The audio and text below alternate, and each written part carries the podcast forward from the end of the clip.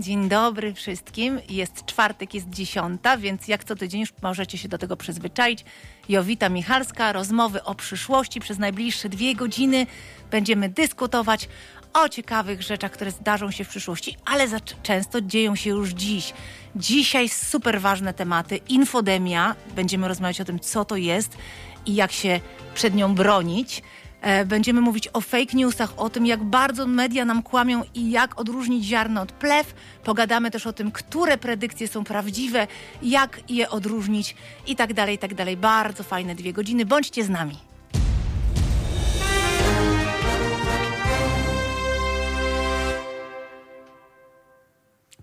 Pierwszym moim gościem dzisiaj jest profesor Dariusz Jemielniak. Bardzo, bardzo się cieszę, że będziemy mieli. Czy mamy ze sobą już, czy jest. Nie ma jeszcze Darka. Dobrze, to ja go w takim razie przedstawię. Drodzy Państwo, wybitny ekspert w zarządzaniu projektami otwartej współpracy. Dariusz Jemielniak jest wykładowcą na Akademii Leona Koźmińskiego, ale również na Harvard University, czyli jednej z najważniejszych uczelni na świecie. Jest członkiem fundacji Wikimedia i jest założycielem platformy znanej przez rodziców Instalink do nauki języków.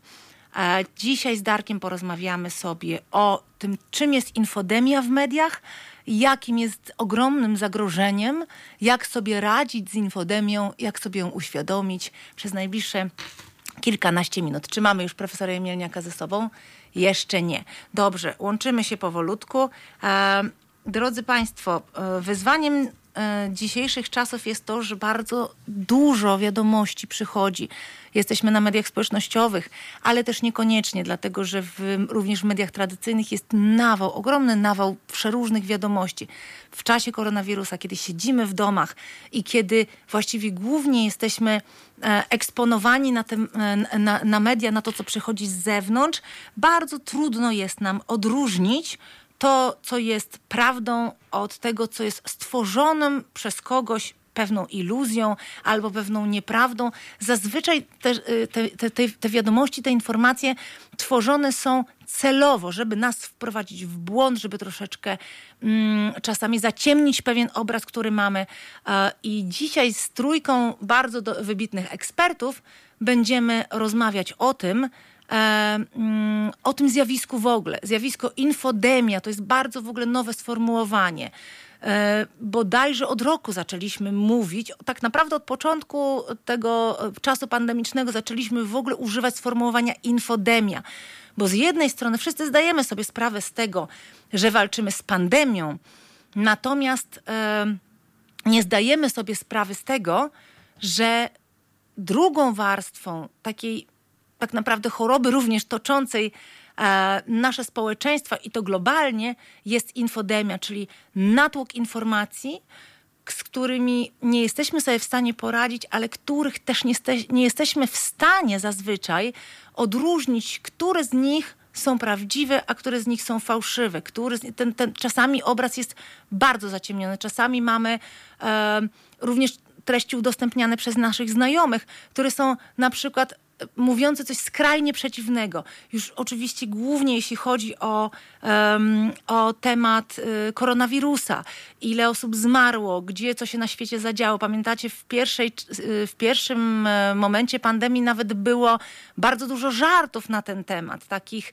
dowcipów, że oto wiadomość od mojej znajomej, która zna kogoś, kto jest pielęgniarzem we Włoszech, albo, albo wiadomość, którą mi przekazał ktoś znajomy i to przekazywaliśmy, przekazywaliśmy nie tylko w formie ustnej, ale również właśnie w mediach społecznościowych i również trafiało to do mediów oficjalnych. I jak ma sobie tak naprawdę poradzić taki yy, zwykły człowiek, jak ma sobie tak naprawdę poradzić ktoś, kto nie rozumie e, w ogóle tematu właśnie fake newsów i całego zjawiska infodemii, jak ma sobie poradzić e, ktoś, kto nie wie, jak zweryfikować właśnie takie podstawowe informacje, to to będzie dzisiaj przedmiotem naszej dyskusji. Ja od miesięcy rozmawiam o tym z różnymi ekspertami. E, jeżeli będziecie chcieli pogłębić trochę wiedzę na ten temat, bo dzisiaj będziemy sobie oczywiście rozmawiać, e, przyglądać się temu tematowi z różnych stron, a jeżeli będziecie chcieli pogłębić tematy, e, to, to jest również na Facebooku moim Jowita Michalska i na Facebooku Digital University naszej organizacji sporo wideo, podcastów, które poszerzają całą tą tematykę infodemiczną. E, coś nie możemy się połączyć z naszym gościem. Może spróbujmy przez telefon, jeżeli nie dajemy rady przez Skype'a, bo gość czeka. E, bo gość czeka, także, e, także już się z nim łączymy. Chwileczkę, drodzy Państwo, bardzo Was przepraszamy, ale czasami tak się zdarza. Technologia jest wspaniała, ale niestety, e, ale niestety e, płata nam czasami figle. Mm. I już próbujemy jeszcze raz e, dodzwonić się do pierwszego eksperta. Jak już się połączymy z pierwszym ekspertem, pójdzie jak spłatka absolutnie. Mm. Także e, takim najprostszym sposobem na to, żeby odróżnić, e, przynajmniej jeśli chodzi o media społecznościowe, e, tak, takim podstawowym, żeby odróżnić, co jest fejkiem, a co jest w miarę rzetelną informacją, jest sprawdzenie źródła. I to, że ktoś z naszych znajomych to udostępnia, wcale nie znaczy, że to jest informacja prawdziwa. Bardzo wiele razy pewnie mieliście doświadczenia takie, że no chociażby takie proste posty, e, jak e, e, umarł jakiś znany człowiek, zginął jakiś znany człowiek, to prawie połowa tego typu informacji okazuje się jakimś takim e, dziwnym i głupim psikusem, którego ktoś spłatał. Więc e, przede wszystkim warto się zastanowić, jakie jest źródło tego, e, sprawdzić, jakie jest źródło tej wiadomości i wówczas zazwyczaj szybko jesteśmy w stanie zrewidować, czy ta informacja jest w jakikolwiek sposób w ogóle, w jakikolwiek sposób w ogóle prawdziwa. Nie znaczy to, że jeżeli nasi znajomi taką informację udostępnili, to że ona e, koniecznie jest e, prawdziwa, bo oni również mogli ulec takiemu złudzeniu. I teraz e, weźmy też pod uwagę, że to jest pewna nasza odpowiedzialność. Gdybyśmy wszyscy tak podchodzili, myślę, że fake newsów byłoby dużo mniej. Że jeżeli ja się czymś dzielę, wiedząc o tym, że ta grupa, z którą się dzielę, to są ludzie, którzy mi ufają w dużej mierze, to powinniśmy na siebie wszyscy wziąć trochę taką odpowiedzialność, żeby e, wiedzieć, że jeżeli ja to udostępniam, to może ja też sprawdzę źródło, czy ja nie przekazuję fake newsów, czy ja nie jestem jednym z elementów e, dobudowujących e, do całej, całej tej sytuacji infodemicznej, tak? Czy ja nie przyczyniam się do rozwoju infodemii. Bardzo warto e, jest w ten sposób podejść do sprawy i wówczas, kiedy robimy to znacznie świadomiej, to też e, ograniczamy rozwój tego zjawiska infodemii. Więc warto się, warto się temu przyjrzeć. I teraz chciałabym, żebyśmy podpytali troszeczkę eksperta. Czy mamy już. Dobrze, właśnie się łączy. To w, w takim razie popro, po, pozwólcie, że jeszcze raz powiem, kogo mamy dzisiaj szczęście mieć w studio profesor Dariusz Jemielniak, ekspert w zarządzaniu projektami otwartej współpracy, wykładowca Akademii Leona Koźmińskiego i Harvard University, członek Fundacji Wikimedia i założyciel Instalinga. Darku, czy mamy, yy, słyszymy się? Halo, halo? Jeszcze nie słyszymy się. Przepraszam Was bardzo za te trudności, ale obiecuję, że warto z nami zostać. W takim razie jeszcze może dwa słowa o tym, co dalej będzie, bo pierwsza rozmowa to, to infodemia i, i tematyka zalewu fake newsów. E, natomiast w drugiej części porozmawiamy o przyszłości, a o tym, czy można ufać predykcjom i jak je weryfikować, bo bardzo dużo, teraz zwłaszcza na przełomie roku, będziemy mieć mnóstwo informacji o tym, e, co się E, co się będzie działo w przyszłości, jak będą wyglądać, będzie wyglądać 2021, jak będą, będą wyglądały przyszłe lata i o tym z naszym następnym ekspertem. Także proszę, bądźcie z nami. A teraz mamy już ze sobą profesora Darka Jemielniaka. Darku, jesteś z nami? Halo, halo? E, Dariusz Ziemianek z tej strony, kłaniam się bardzo mi miło. Darku, bardzo się cieszę. Uff, chwileczkę to trwało, mieliśmy tu pewne kłopoty, ale ja już zaczęłam troszeczkę naszym słuchaczom opowiadać o infodemii, o której chcę dzisiaj z tobą porozmawiać. Już cię dwukrotnie przedstawiałam, więc pozwól, że nie będę robiła tego trzeci raz. E, ale bardzo się cieszę, że jesteśmy tu razem. Powiedz, jesteś jednym z, myślę, największych ekspertów od tej tematyki, nawet nie tylko w Polsce. E, powiedz nam trochę, powiedz nam trochę, czym, e, czym jest to zjawisko infodemii, jaką ono ma skalę, bo przecież ma skalę rosnącą e, w tej chwili w, w, pandemia karmi nam to zjawisko. I powiedz trochę, jak e, widzisz, że można jej zapobiegać. No przede wszystkim ta, to całe zjawisko jest bardzo y, charakterystyczne dla przemiany, którą nazywamy zoną przegalińską społeczeństwem współpracy, bo y, są tam pozytywne zjawiska, no chociażby to, że ludzie się dzielą wiedzą w Wikipedii, to jest fenomenalna sprawa, no, ale jednocześnie to, że autorytet nauki, autorytet instytucjonalny troszeczkę został podminowany, powoduje, że ludzie zaczynają wierzyć różnego rodzaju znachorom, którzy oczywiście zawsze istnieli, ale w tej chwili mają dostęp do znacznie lepszych kanałów komunikacji, a co więcej, dezinformacja, no także polityczna, ale, ale również medyczna, ma świetne pole do popisu na mediach społecznościowych, które w końcu swój model biznesowy opierają troszkę na tym, że starają się dzielić informacje, które będą nośne, a niekoniecznie informacje, które będą prawdziwe. No właśnie, im coś bardziej szok- szokującego, tym się lepiej lajkuje, prawda? I szeruje. Dokładnie tak, tylko wiesz, ten problem y, człowiek pogryz psa, on był charakterystyczny także i dla mediów tradycyjnych. Tak. Natomiast obecnie mamy bardzo duże nasilenie tego, że ludzie y, sobie nawzajem troszkę podbijają bębenek, zamykają się w takich komorach informacyjnych i z tego wynika to, że niestety się wręcz ich ekspozycja na informacje staje się bardzo spolaryzowana. Czyli troszkę to polega na tym, że jeżeli mam wśród swoich znajomych osoby, które, no nie wiem, wierzą w płaską ziemię, coraz częściej widzę posty z płaską ziemią, polubiam je, to zaczynam widzieć świat y, w sensie informacyjnym, w którym ta ziemia tak naprawdę jest płaska. Ludzie, którzy wierzą, że ona jest okrągła, to są jacyś wariaci. Absolutnie tak. E, A powiedz mi, bo oczywiście jakby płaskoziemstwo to jest.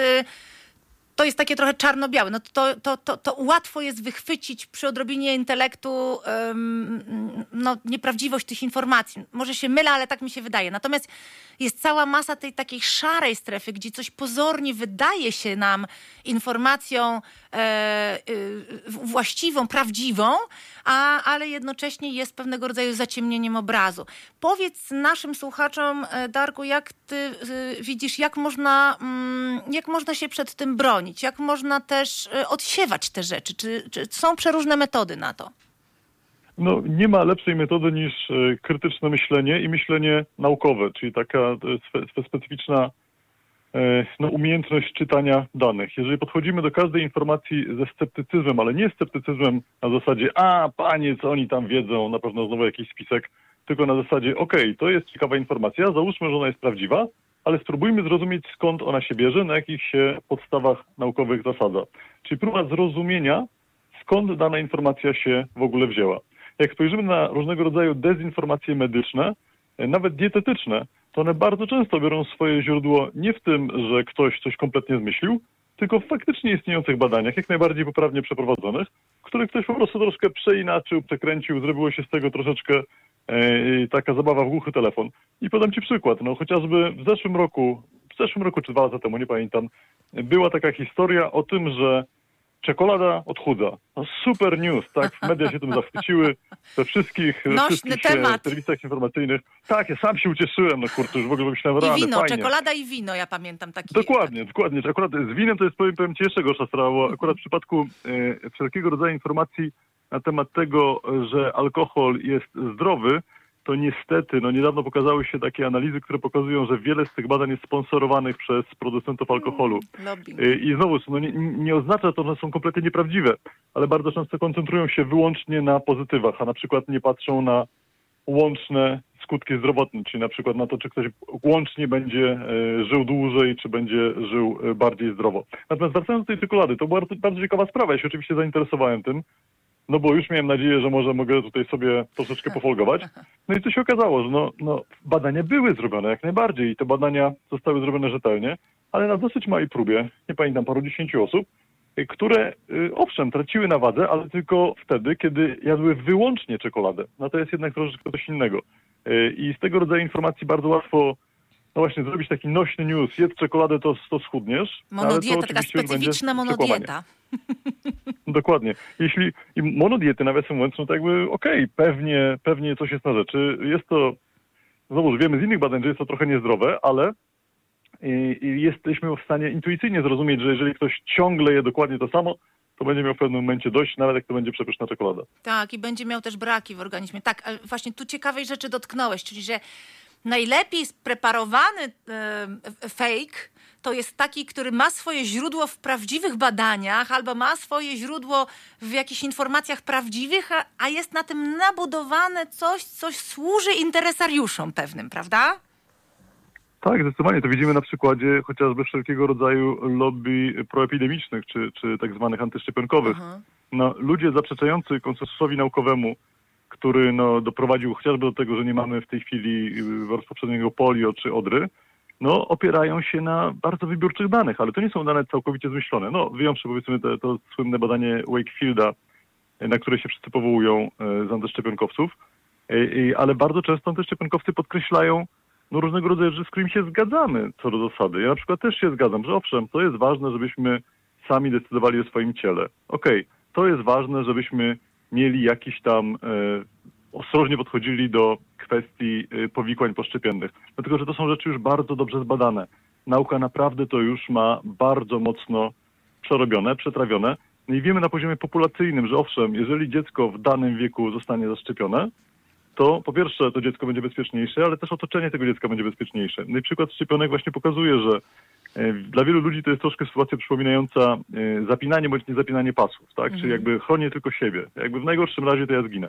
Tymczasem sytuacja jest bardziej podobna do osoby, która wsiada za kółko po kieliszku, bo głównie nie szczepiąc się, czy nie szczepiąc naszych dzieci, narażamy także otoczenie, czyli osoby, które szczepić się nie mogą z przyczyn e, właśnie zdrowotnych. E, Darko, a jakie są jeszcze takie e, kluczowe tematy? Bo wiemy też, że, że jest kilka. Mówiliśmy o, o, o tematyce zdrowotnej, mówiliśmy o dietetycznej. A jakie są jeszcze takie główne tematy, które zazwyczaj są e, właśnie takimi fejkami, w których wiele osób wierzy? No wiesz, przechodząc od tematu tego antyszczepionkowego, chciałem tylko zauważyć, że duże totalitarne reżimy sponsorują różnego rodzaju fejki na temat szczepień, dlatego że to im się opłaca. No jeżeli parę procent raptem zmieni swój punkt widzenia, to cała, e, cały kraj będzie miał problem. Ale tego rodzaju fake newsy e, i propaganda polityczna są także rozpowszechniane właśnie w kwestiach czysto politycznych. Chociażby mamy kampanię brexitową, która w sposób całkowicie udowodniony była bardzo Tak. mocno e, popierana przez fake newsy.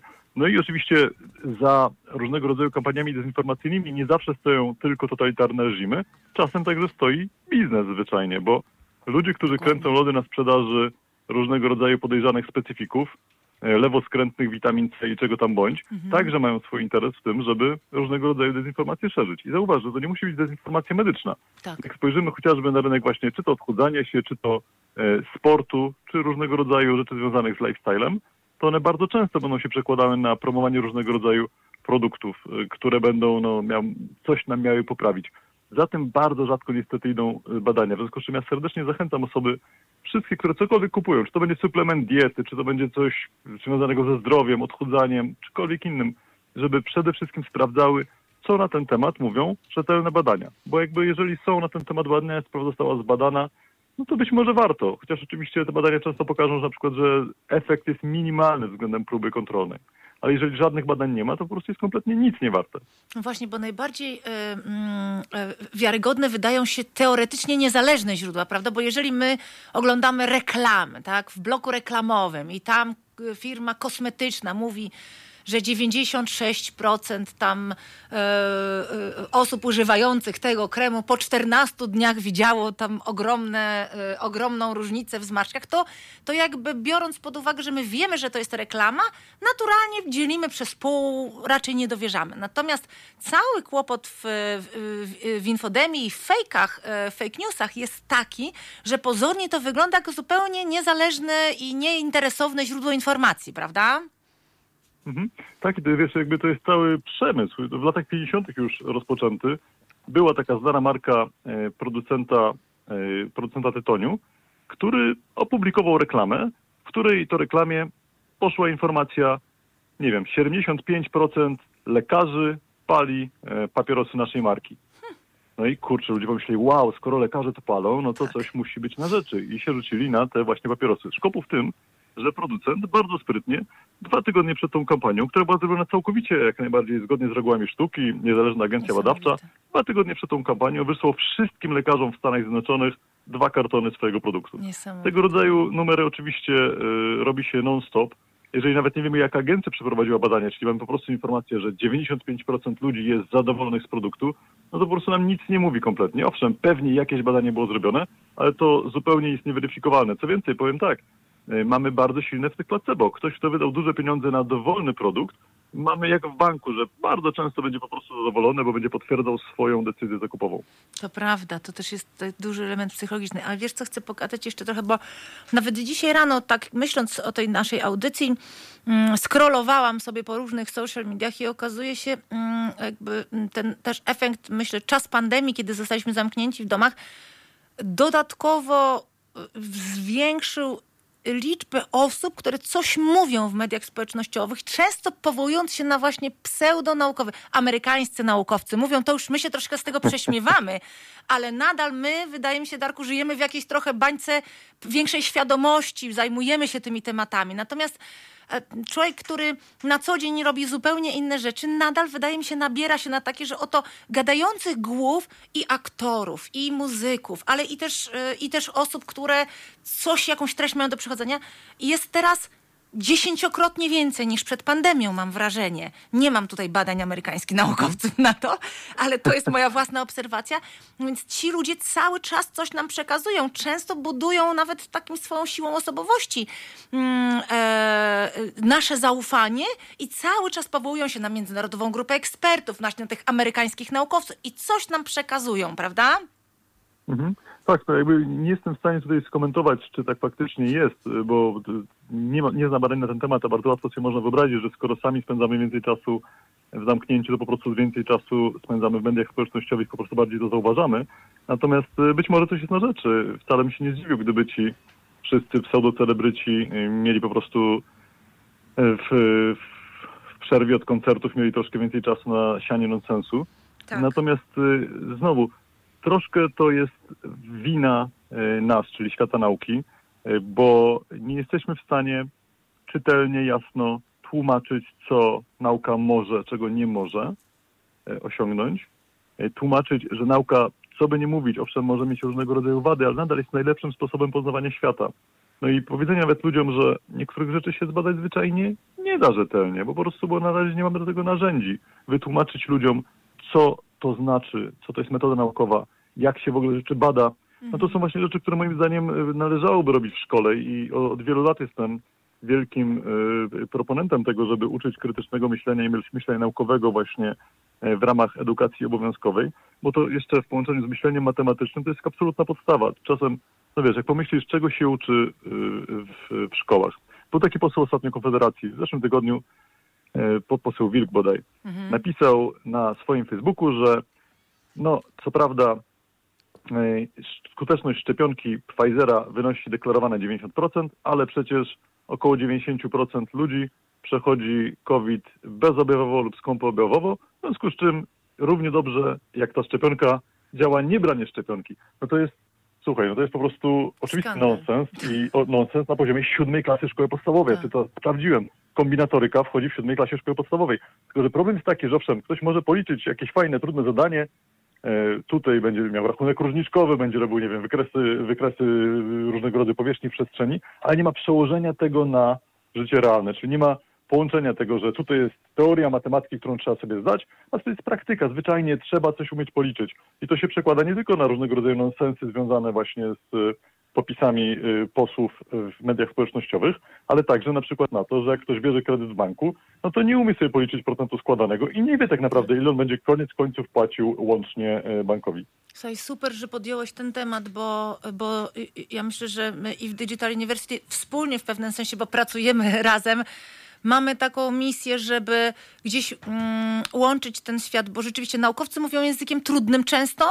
Ci pseudonaukowi eksperci z mediów społecznościowych mówią w łatwy i przystępny sposób, ale niejednokrotnie albo zupełnie mijają się z prawdą, albo ją naginają do swoich celów, więc myślę, że że też y, profesor Harari, widziałeś, pewnie wydał tą y, nową książkę, y, po, jakby ponownie swoją pierwszą książkę Sapiens wydał w postaci komiksu. Dokładnie mhm. mając na myśli to, żeby jak najprostszym i najbardziej przyswaja, łatwo przyswajalnym językiem mówić o rzeczach ważnych i naukowych do normalnych ludzi. Myślę, że to, to jest fajne, że coraz więcej z nas zaczyna mieć taką misję, bo to będzie jeden z, jeden z myślę, bardzo ważnych oręży e, działania przeciwko fake newsom i całym, całym zjawisku infodemii. Zdecydowanie tak. I, I, jego ogromny talent polega właśnie na tym, że może mówić o e, rzeczach złożonych w sposób zrozumiały. Nie trzeba się z każdą jego tezą przecież zgadzać, żeby nie docenić tego, że to jest ogromny talent właśnie także popularyzatorski, a tego rodzaju rzeczy troszeczkę są za mało doceniane. Wydaje mi się, że jakby o ile y, mamy już taki troszeczkę wyrobiony szacunek dla y, odkryć naukowych, choć też nie taki przesadnie duży, powiedzmy sobie, bo jeśli jakiś kretyn, który gania po boisku z piłką dostaje parędziesiąt milionów euro, a najlepszy możliwy naukowiec czy naukowczyni, którzy szukają leku na raka, no setki razy mniej, to tak. jednak z tym docenianiem nauki nie ma tak dobrze. To, to y, o ile nawet ocenia, te odkrycia jakoś tam doceniamy, to popularyzacji już zupełnie nie. A wydaje mi się, że to jest kluczowe, żebyśmy byli w stanie w świecie naukowym także no, docenić to, że ktoś jest w stanie w sposób zrozumiały przekazać ten wynik y, swoich badań, powiedzieć o tym, co się w świecie dzieje. Absolutnie tak. Darku, bardzo Ci dziękuję. Y, bardzo dziękuję za Dzięki fajny, wartościowy, wartościowy wkład dzisiaj. E, drodzy Państwo, dziękujemy profesorowi Dariuszowi Jemielniakowi za jego wkład. E, teraz chwila przerwy, ale zostańcie z nami, bo po przerwie będziemy rozmawiać o predykcjach dotyczących przyszłości. Temu, czy można im ufać, jak je weryfikować. Będziemy rozmawiać z Kacprem Nosarzewskim i porozmawiamy też o premierze Cyberpunka.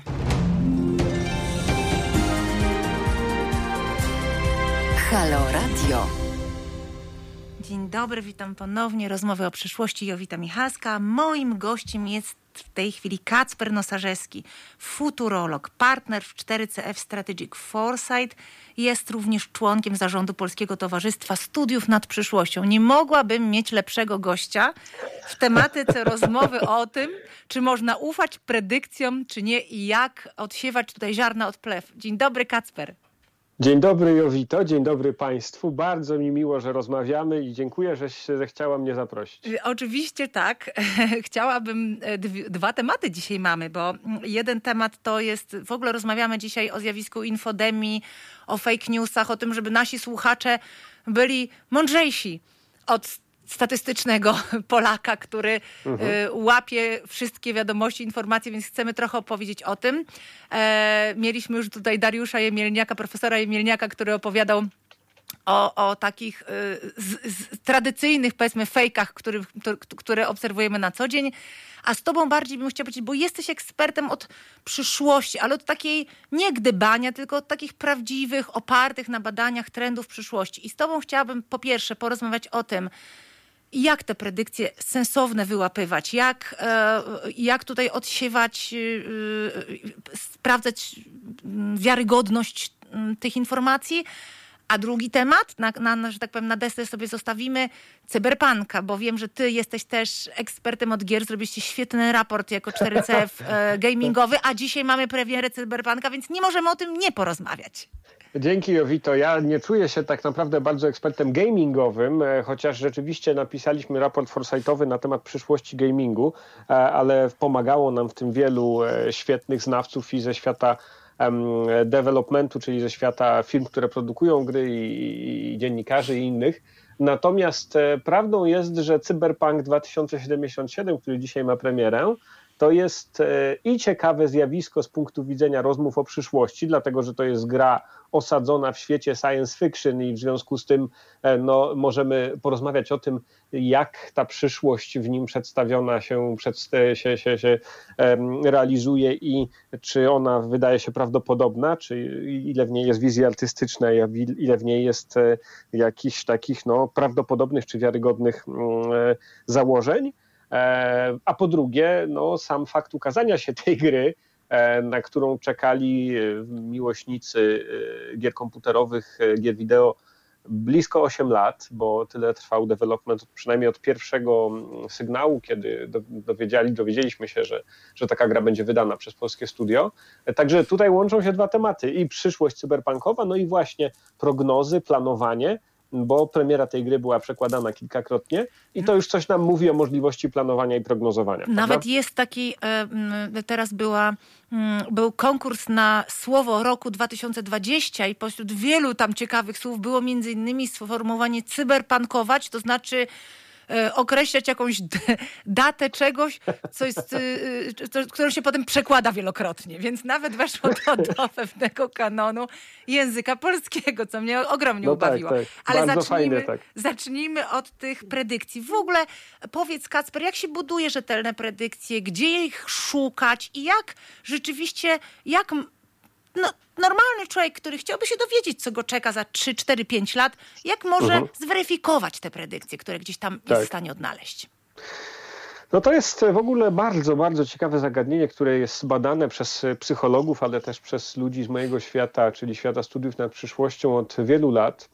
Dlatego, że mm, ludzkość sobie zdała sprawę już kilkadziesiąt lat temu, że jakoś niestety, chociaż mm, statystyka matematyczna nam dała nieprawdopodobne możliwości opisu, analizowania świata, zrozumienia, dlaczego pewne rzeczy się dzieją, a inne nie, dlaczego, dlaczego coś działa, a, nie, a coś innego nie działa, to nadzieje pokładane w prognozowaniu takim ilościowym przy pomocy modeli e, matematycznych jakoś no, nie chciały się spełniać po prostu na podstawie danych historycznych, na podstawie trendów, które da się z nich odczytać i, i na podstawie e, pewnych wzorców, pewnych e, takich charakterystycznych, e, powtarzających się, czy cykli, czy, czy, czy innego rodzaju wzorców w tych danych, aż to zaprasza, aż to zachęca do tego, żeby po prostu przeciągnąć tę linię troszkę dalej. Można to zrobić linijką, można to zrobić przy pomocy jakiegoś bardziej wyrafinowanego wzoru matematycznego i powiedzieć: OK,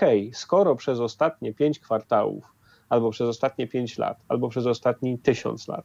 Um... Halo, halo? Halo, Kacper, utraciliśmy cię chyba na chwileczkę. Halo, halo. Kacper. Halo, słyszysz A, mnie? Tak, słyszysz dosłownie mnie? 20 A. sekund ostatnie nam wypadło, więc jeśli mógłbyś Ojej. powtórzyć, proszę. Już bardzo proszę. E, więc e, to, że mamy takie dane i możemy je analizować, to zachęca wręcz e, do tego, żeby po prostu przeciągnąć linię trendu dalej przy pomocy linijki czy przy pomocy jakiegoś wzoru matematycznego bardziej wyrafinowanego i powiedzieć: OK, jeśli przez ostatnie pięć kwartałów, czy przez ostatnie pięć lat, czy przez ostatnie tysiąc lat jakieś zjawisko przebiegało wedle pewnego wzorca o określonym natężeniu, w określonych cyklach, no to za następny kwartał, za następny rok czy za następny wiek znowu to mm, ten wzór się powtórzy. Tak? Na zasadzie właśnie, że, że mhm. historia lubi się powtarzać. E, tylko, że niestety, mm, i to widać w bardzo prozaicznych sprawach, takich jak nie wiem, prognozowanie pogody, bardzo trudne, a, a z drugiej strony dla nas, dla nas codzienność, mhm. E, czy w sprawach takich, które nas bardziej, ciebie i mnie interesują, typu prognozy związane z rozwojem jakichś technologii, z odkryciami technicznymi, ze zmianami w postrzeganiu tego przez społeczeństwo, no to i tu, i tu prognozowanie na dłuższą metę mm, zdaje się nie sprawdzać. Co więcej, to znaczy po prostu nie da się precyzyjnie przepowiedzieć e, przyszłości. E, nawet stosując właśnie takie racjonalne metody, tak nie uciekając się do jakiejś tam magii czy, czy innych, innych nonsensów. Natomiast e, jak wynika niestety z badań prowadzonych przez słynnego amerykańskiego psychologa Filipa Tetlocka, były to badania finansowane przez, z, z budżetu Stanów Zjednoczonych, z, z takiej zakładki, która jest przeznaczona na rozwój badań wywiadowczych, no to kurczę, ci eksperci, ci wszyscy guru, ci ludzie, których widzimy w telewizji, tak, czy nawet ty i ja, jak teraz tutaj mhm. rozmawiamy, którzy się zajmujemy mm, przyszłością, gdzieś w tej infosferze funkcjonujemy, powinniśmy się mieć bardzo na baczności, dlatego że, jak wynika właśnie z badań Tetlocka, prognozy te precyzyjne, co się wydarzy, co się nie wydarzy i kiedy, e, ferowane przez tych ekspertów indywidualnie, są e, beznadziejne, jeśli chodzi o sprawdzalność. Żeby to tak ładnie powiedzieć, no to zbliżone mniej więcej tak jakby małpie człowiekokształtnej dać rzutki i ona by rzuciła w tablicę i mniej więcej tak samo się Albo to z sprawdza. fusów, z fusów. Albo, albo wróżenie z fusów, tak? Y, I to, jest, I to jest niby taki cios, przykro to słyszeć, bo przecież ty, ja poświęcamy bardzo dużo czasu na to, żeby i, przy- i liczymy, że ludzie będą, będą też nam w tej kwestii ufać. Tak, tak, tylko że oni nam powinni ufać z innego właśnie powodu. Z No. powodu tego, że mm, stosujemy metody, które, co do których dowiedziono albo, że one podnoszą jakość tych prognoz, albo, że mając na uwadze założenie, że przyszłości precyzyjnie nie da się przewidzieć, proponujemy takie metody i takie sposoby działania, które nie służą temu, żeby powiedzieć dokładnie w 2040 roku to latające samochody będą w każdym garażu w Polsce. Tak, Tak, tak. Czy unikać tego typu dziwnych e, i chyba z gruntu niepotrzebnych prognoz, tylko pokazywać, co się może wydarzyć, jakie, jakie hipotezy możemy postawić, co się wydaje bardziej prawdopodobne, co mniej, e, i pokazywać, jaka jest rola firmy, dla której pracujemy, czy instytucji, czy Mhm. człowieka, po prostu Tak. zwykłego, zwykłej osoby, takiej jak, jak, jak każdy z nas, w tym, żeby tę przyszłość przybliżać lub oddalać.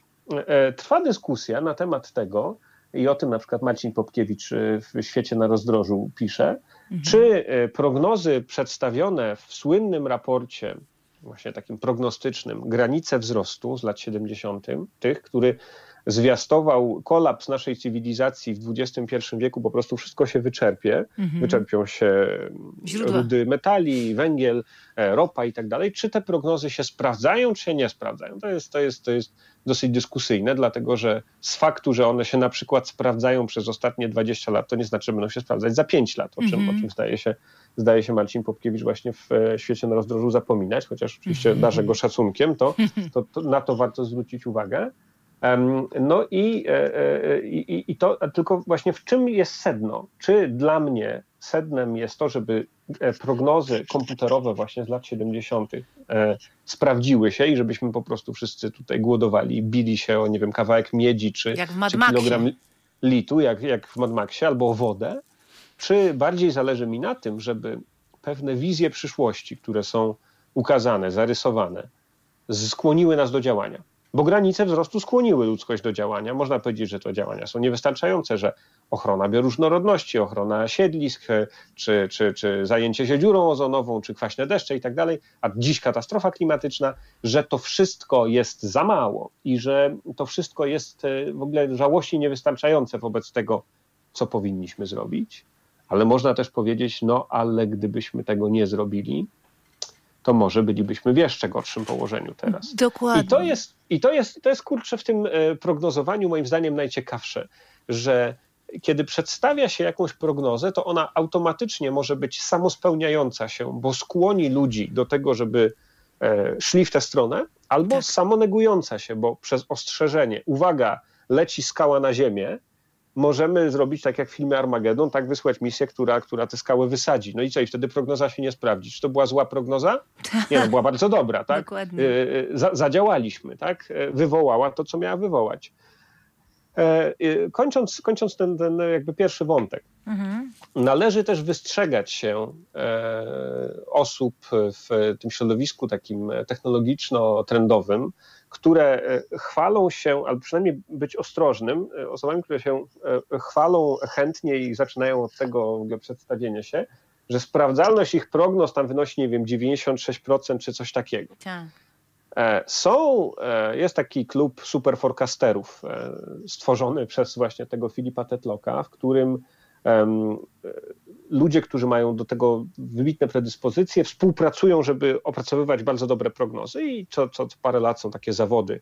Analitycy CIA kontra ci superforecasterzy, ci superforecasterzy wygrywają, lepiej, lepiej prognozują.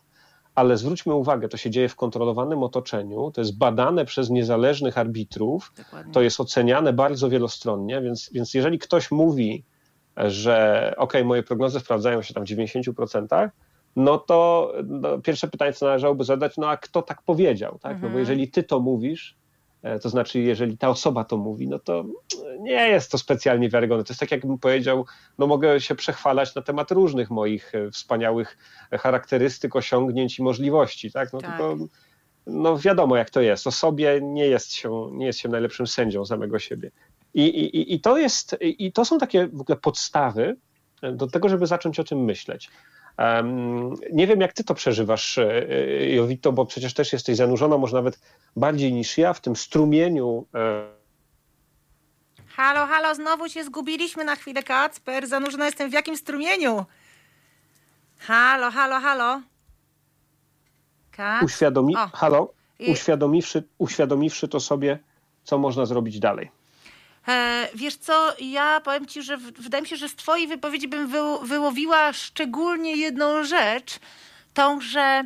Mm, bo, bo my wszyscy na koniec gdzieś tam jesteśmy uczciwi w tym, mówiąc, żeby się nie trzymać e, stuprocentowo tej wizji przyszłości, o której mówimy. Natomiast to jest bardzo fajne, co podkreśla z kolei profesor Amy Webb, na którą ja się często powołuję, bardzo lubię ją mhm. czytać z NYU Stern, myślę, że z e, najciekawszych badaczek trendów amerykańskich, myślę taka najbardziej wnikliwa, jeśli chodzi o technologię.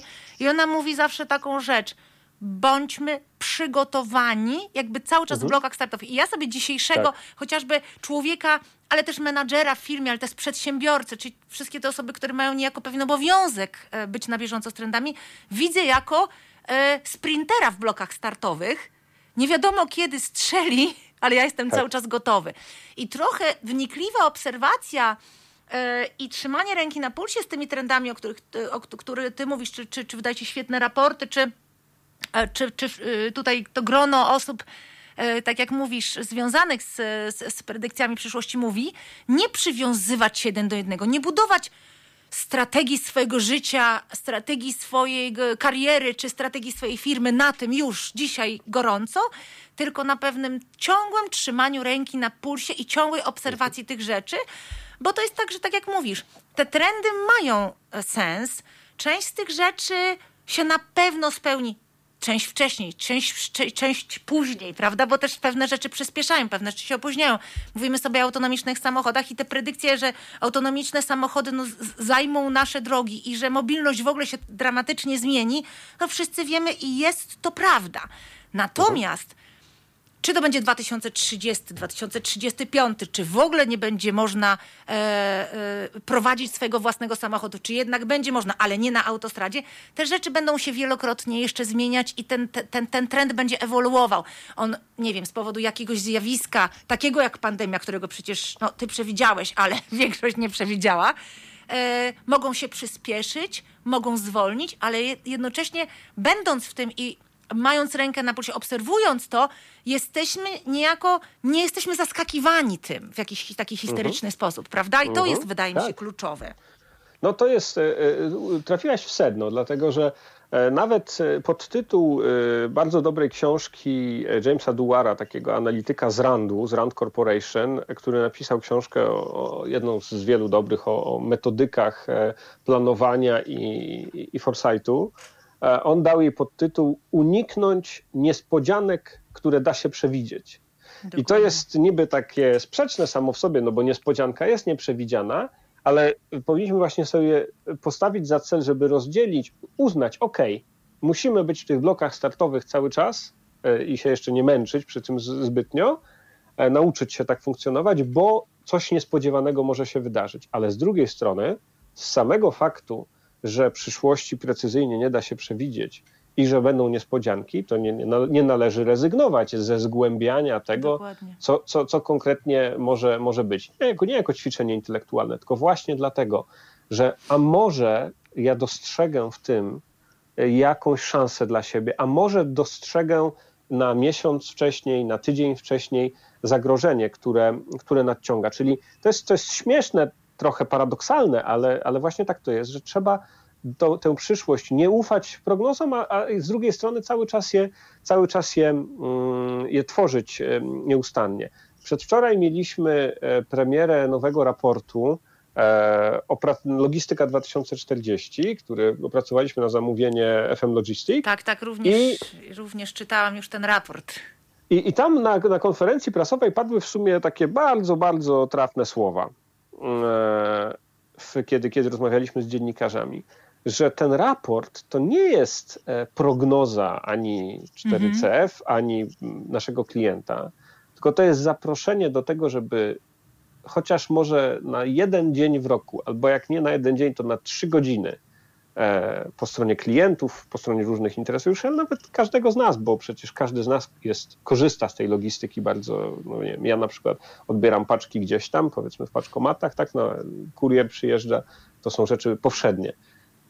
Żeby poświęcić trochę uwagi na zastanowienie się, jak to może być w przyszłości dla mm, konsumenta, no to jest ciekawostka, ale dla firmy, która, nie wiem, działa w branży e-commerce, czy w ogóle w jakiejś firmy handlowej, czy dla jakiegoś producenta, czy dla operatora logistycznego, no to po prostu, żeby poświęcić trochę uwagi na zastanowienie się, a co jeśli, a co się może zdarzyć, e, a jakie są możliwe scenariusze, jak ja się w tych scenariuszach odnajduję, bo nie ma odpowiedzi jednej na temat przyszłości e, jeszcze teraz, tak dopóki ona nie nadejdzie.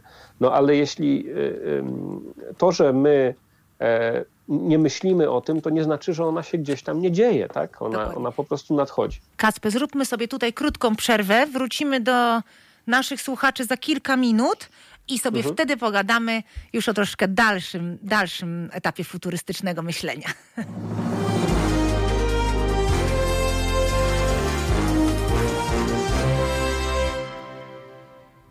Dzień dobry, dzień dobry, witam ponownie. Rozmowy o przyszłości. Już e, od dłuższej chwili rozmawiamy o odsiewaniu ziaren od plew. Przepraszam, że tak e, po raz kolejny używam tego sformułowania, ale no wydaje mi się tutaj właściwe, czyli o mediach społecznościowych, o mediach w ogóle, o tym, jak dużo dzisiaj jest nieprawdziwych informacji w mediach, o tym, jak to zrobić, żeby odsiać właśnie te e, prawdziwe informacje od tych um, zupełnie niezgodnych z prawdą, nie sugerować się jakimiś bzdurami, które udostępniają nasi znajomi. Obecnie moim gościem jest Kacper Nosarzewski, futurolog, osoba zajmująca się na co dzień zawodowo predykcjami przyszłości i rozmawiamy sobie z Kacprem o tym, jak podchodzić do predykcji, jak podchodzić do e, rozmów o przyszłości, myślenia o przyszłości. Ale obiecaliśmy sobie, że porozmawiamy w drugiej części spotkania o e, nowej grze e, Cyberpunk. Dzisiaj premiera. Tak. Tak, dzisiaj premiera i e, wiem, że wczoraj w tym środowisku gamingowym było spore poruszenie właśnie, że podobno będą w paczkomatach już o, po północy wstawione egzemplarze tej gry, a kiedy będzie można ją pobrać, a gdzieś tam na świecie już, e, już ją dostali. Także to też pokazuje na jakiś nasz stosunek wobec przyszłości mhm. E, I, i, i fajny sposób właściwie egzemplifikuje to, o czymśmy mówili wcześniej, bo, bo mówiliśmy o jakichś ostrzeżeniach czy ogólnych e, radach. Natomiast gdybym miał tak jednym zdaniem powiedzieć, co zrobić, jeszcze dociekając tamtego, żeby lepiej radzić sobie z przyszłością, no to właśnie tak jak przed tą premierą Cyberpunka fani tego tytułu, zanim się jeszcze pojawił, bo hype był nieprawdopodobny. Tak. tak? To się mówi, że nie wiadomo, czy to jest gra najlepsza w historii albo najlepsza gra roku, ale no na pewno wiadomo, że najbardziej właśnie wyhypowana, z największym, e, najwie, naj, najbardziej wobec niej e, oczekiwania są rozbudzone i, mm. i, i, i, i, wzmocnione. No i tak jak ja na przykład mogłem sobie siedzieć i patrzeć, a tutaj e, taka informacja się pojawia, taka informacja się pojawia i zbierać z nich, spróbować zbudować sobie jakąś prognozę, o której godzinie cyberpunk trafi do tych paczkomatów, gdybym czekał. No nie czekałem, bo nie, nie zamówiłem tej gry. Aha. Zresztą nawet nie miałbym na czym za bardzo w nią grać, bo te komputery gamingowe są dość, dość kosztowne. No to mm, tak samo w każdej innej dziedzinie życia, i to poleca Tetlock, i na tym polega ten super forecasting, trzeba cały czas aktualizować swoją prognozę na podstawie wpływających danych. I co więcej, nie patrzeć wyłącznie na to, jak co mnie wychodzi, tylko porównywać sobie z innymi. To jest i tyle, tutaj postawię kropkę. Kogo te rzeczy ciekawią, zachęcam do czytania książek Tetloka i do, do eksperymentowania z tym, bo w ten sposób nasze podejście do przyszłości się poprawia. No ale, ale właśnie twoje pytanie o Cyberpunka 2077. No Dlaczego ta gra jest tak wyczekiwana? Tutaj jest no, oczywiście pewien tam element marketingowy i wspaniale, wspaniałe poprowadzenie tego przez e, producentów tej gry, twórców, którzy, którzy byli wcześniej twórcami Wiedźmina 3, czyli gry mm, no, wówczas okrzykniętej najlepszą grą, grą roku tak. i w tak. ogóle gry absolutnie kultowej, ale, ale jest coś więcej, jak sądzę. jest ten świat, tak zwany setting, tak? czyli to uniwersum, w którym ta gra się rozgrywa. Tak. I ten świat jest atrakcyjny dla nas dzisiaj z kilku różnych powodów, bo mm, świat cyberpunkowy opiera się na literaturze science fiction, e, która zaczęła w tym kierunku podążać gdzieś na początku lat 80., chociaż pierwsze, pierwsze zwiastuny już były wcześniej. E, a, a każdy z nas te światy zna na przykład z filmu Blade Runner, tak, Łowca Androidów. No, tak.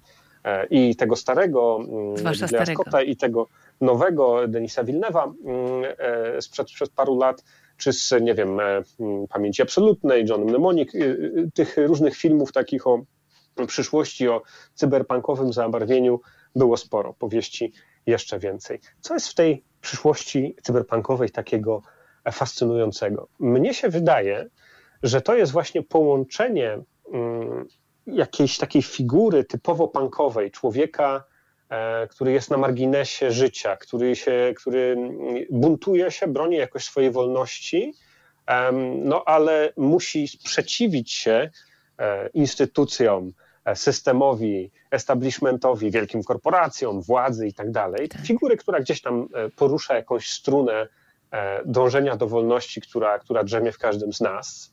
E, a zarazem, no właśnie, że to nie jest ten bohater, z którym trudno się utożsamić, bo to nie jest jakiś superman, czy to nie jest jakiś genialny um, uczony, tak, e, czy, czy nie wiem, pilot statku kosmicznego, tak. tylko to jest taki właśnie... Outsider. Taki outsider, tak, taki, taki wyrzutek, um, który ma kompetencje, ma pewien zmysł, ma, umie sobie radzić, ale jest właśnie i trochę everymanem, e, zresztą w grze to też e, świetnie jest, jest e, pokazane, bo mhm. ta gra zaczyna się od stworzenia swojej postaci i można jej nadać bardzo, bardzo zindywidualizowane rysy. No, nie, to wszyscy oczywiście już pewnie o tym słyszeli, że nie tylko wybiera się płeć, kolor włosu, oczu i budowę sylwetki, wszystko, ale nawet można sobie genitalia spersonalizować mm. w, tej, w Cyberpunku 2077. Ale mm, Znak czasów. Że, że to jest, że jest się jakimś everymanem, z drugiej strony jednak, że to jest ten, e, no taki można powiedzieć Ronin, taki, taki... Znowu cię zgubiliśmy, Kacper. Znowu cię zgubiliśmy na chwilę. Kacper zapamiętał się w swojej opowieści i zapomniał... Każdy z nas trochę chciałby być.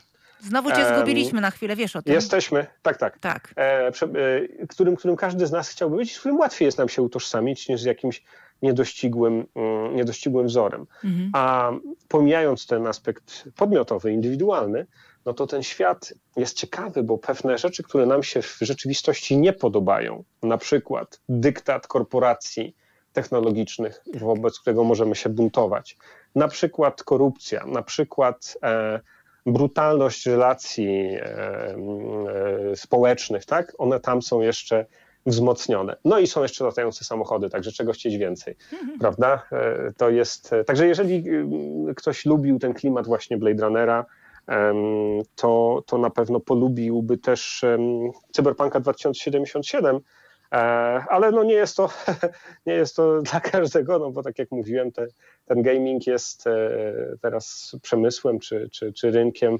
bardzo rozwiniętym i tak. żeby w pełni docenić Mm, taką grę, no to trzeba po prostu mieć odpowiedni sprzęt, chociaż, i na to wskazywaliśmy już w naszym raporcie o przyszłości gamingu, jest alternatywa. Mm, ja z tej alternatywy mam zamiar skorzystać. Mianowicie można, można właśnie platformy streamingowe do gier. E, nie będę wymieniał konkretnych nazw. Ale wchodzi jest teraz kilka. jedna ciekawa do Polski świeża, Tak, prawda? właśnie, właśnie, tak przedwczoraj. tak. I to jest szansa, e, taka właśnie demokratyzacja tego gamingu, że wystarczy tak. mieć szybki internet, i już można, e, już można grać, bo e, nie trzeba mieć tego sprzętu takiego wyjątkowego, bo gdzieś tam na serwerze dostawcy tej usługi cała gra jest generowana mhm. E, i tam to się, tam to się rozgrywa. Ja to tak się właśnie zastanawiam, bo, bo ten świat cyberpunkowy, on jest atrakcyjny, w nim jest mnóstwo takich fajnych wątków i retro, właśnie lat 80., tak. ale jest też ten właśnie buntowniczy rys. Jest i, taki i ten... eklektyczny ten świat, nie? Tak, jest, absolutnie. I, e, I, jest w nim e, kilka takich ciekawych wyzwań, jak na przykład e, poza jest wszystkim, zewnętrzna forma ważniejsza jest, styl jest ważniejszy niż, niż treść. To jest trochę I, odbicie i, naszych czasów w tym, nie? Nie, no właśnie, właśnie, że i to życie na krawędzi, E, I, I, tak, sobie, tak sobie myślę, że mm, chociaż oczywiście, no ja akurat rozmawiam z tobą z domu i tutaj jest raczej pastelowo i miękko i całkiem przyjemnie, wcale nie cyberpunkowo mm -hmm. i mhm. ciepło w domu, to, to myślę sobie, że e, ten e, zasiała coś ta kultura w naszych, naszych sercach, że ta przyszłość właśnie nam się podoba, jak ona jest taka trochę chropowata, jakaś taka trochę niebezpieczna, trochę trochę niepokojąca, że my tak naprawdę nie, nie aż tak bardzo nas pobudzają utopie, w których wszystko jest rozwiązane, świat powszechnego dowodu podstawowego i tak no. dalej, co pobudza nas właśnie ten jakiś konflikt, że a, tu będą źli i dobrzy. Tak. a może sami chcielibyśmy zostać takimi buntownikami i Google'owi, Palantirowi, Amazonowi, Apple'owi czy, czy, czy innym wielkim firmom technologicznym rzucić wyzwanie i powiedzieć, E, ok, tu jest granica, mm, tyle możecie, e, a ja tutaj rysuję te granice i będę bronił swojej wolności przed wami czy prywatności i nie pozwolę zrobić ani kroku dalej, bo mm. będę gryzł. No właśnie, słuchaj, tak tutaj dotykamy znowu dwa wątki, które mi się rysują. Jeden taki, że ja pamiętam, tak naprawdę w latach 80. było bardzo dużo, wtedy powstał Mad Max i dużo było tej tematyki. Uh -huh. I teraz ona wraca. Zobacz, Mad Max miał, wiesz, odkurzenie, wielki sukces tak. kilka lat temu. Co prawda główną rolę zaczęła pełnić zgodnie z trendami bohaterka kobieca. Zresztą uh-huh. Charlize Theron uważam świetnie tam zagrała. I ten cyberpunk, czyli mm, ja mam wrażenie, że w czasach takiej niepewności, pewnych przełomów, bo w latach 80. też trochę tego było, zaczynamy iść, e, iść w, ten, w, ten, w ten kierunek cyberpunkowy, trochę takiego, bo tam jest trochę znajomego świata, wręcz takiego bardziej odkurzonego, starego. E, I trochę tej futurologii, takiej, czyli mm, taki, taka, taki miks rzeczy, które znamy z tymi kompletnie nowoczesnymi. To jest jedna rzecz, o której chciałam powiedzieć. A druga, a o tym, że e, tam się przewijają też wątki, które przewijają się bardzo mocno w naszym czasie rzeczywistym. Te chociażby właśnie dochód podstawowy, o którym sobie dużo rozmawiamy. Dla mnie to jest mega ciekawy temat. E, e, czy, czy właśnie te wątki, które, właśnie wątki big techów. Teraz e, się pojawił, przeglądałam dosłownie wczoraj raport taki predykcji na, na 2021 rok Saxo Banku, który robi uh mhm. takie mm, no, bardzo jakby te predykcje mm, kontrowersyjne i takie trochę szalone, żeby pokazać, że tak niejednoznacznie, że to nie są takie proste rzeczy, że to, to jest tak naprawdę, to są prognozy dla rynku inwestycyjnego, ale tam e, mówi się dużo o tym, że e, big techy zaczynają przejmować tak naprawdę już rolę państw, mają ogromne E, zatrudniają ogromne rzesze lobbystów i de facto e, no, są wielkimi monopolistami i, i ten, tam jest e, powiedziane o trendzie, który będzie mówił, że będzie coraz większe ograniczenie ich swobody. Oni będą próbowali coraz bardziej walczyć, ale będzie coraz większe ograniczenie ich swobody i monopolu.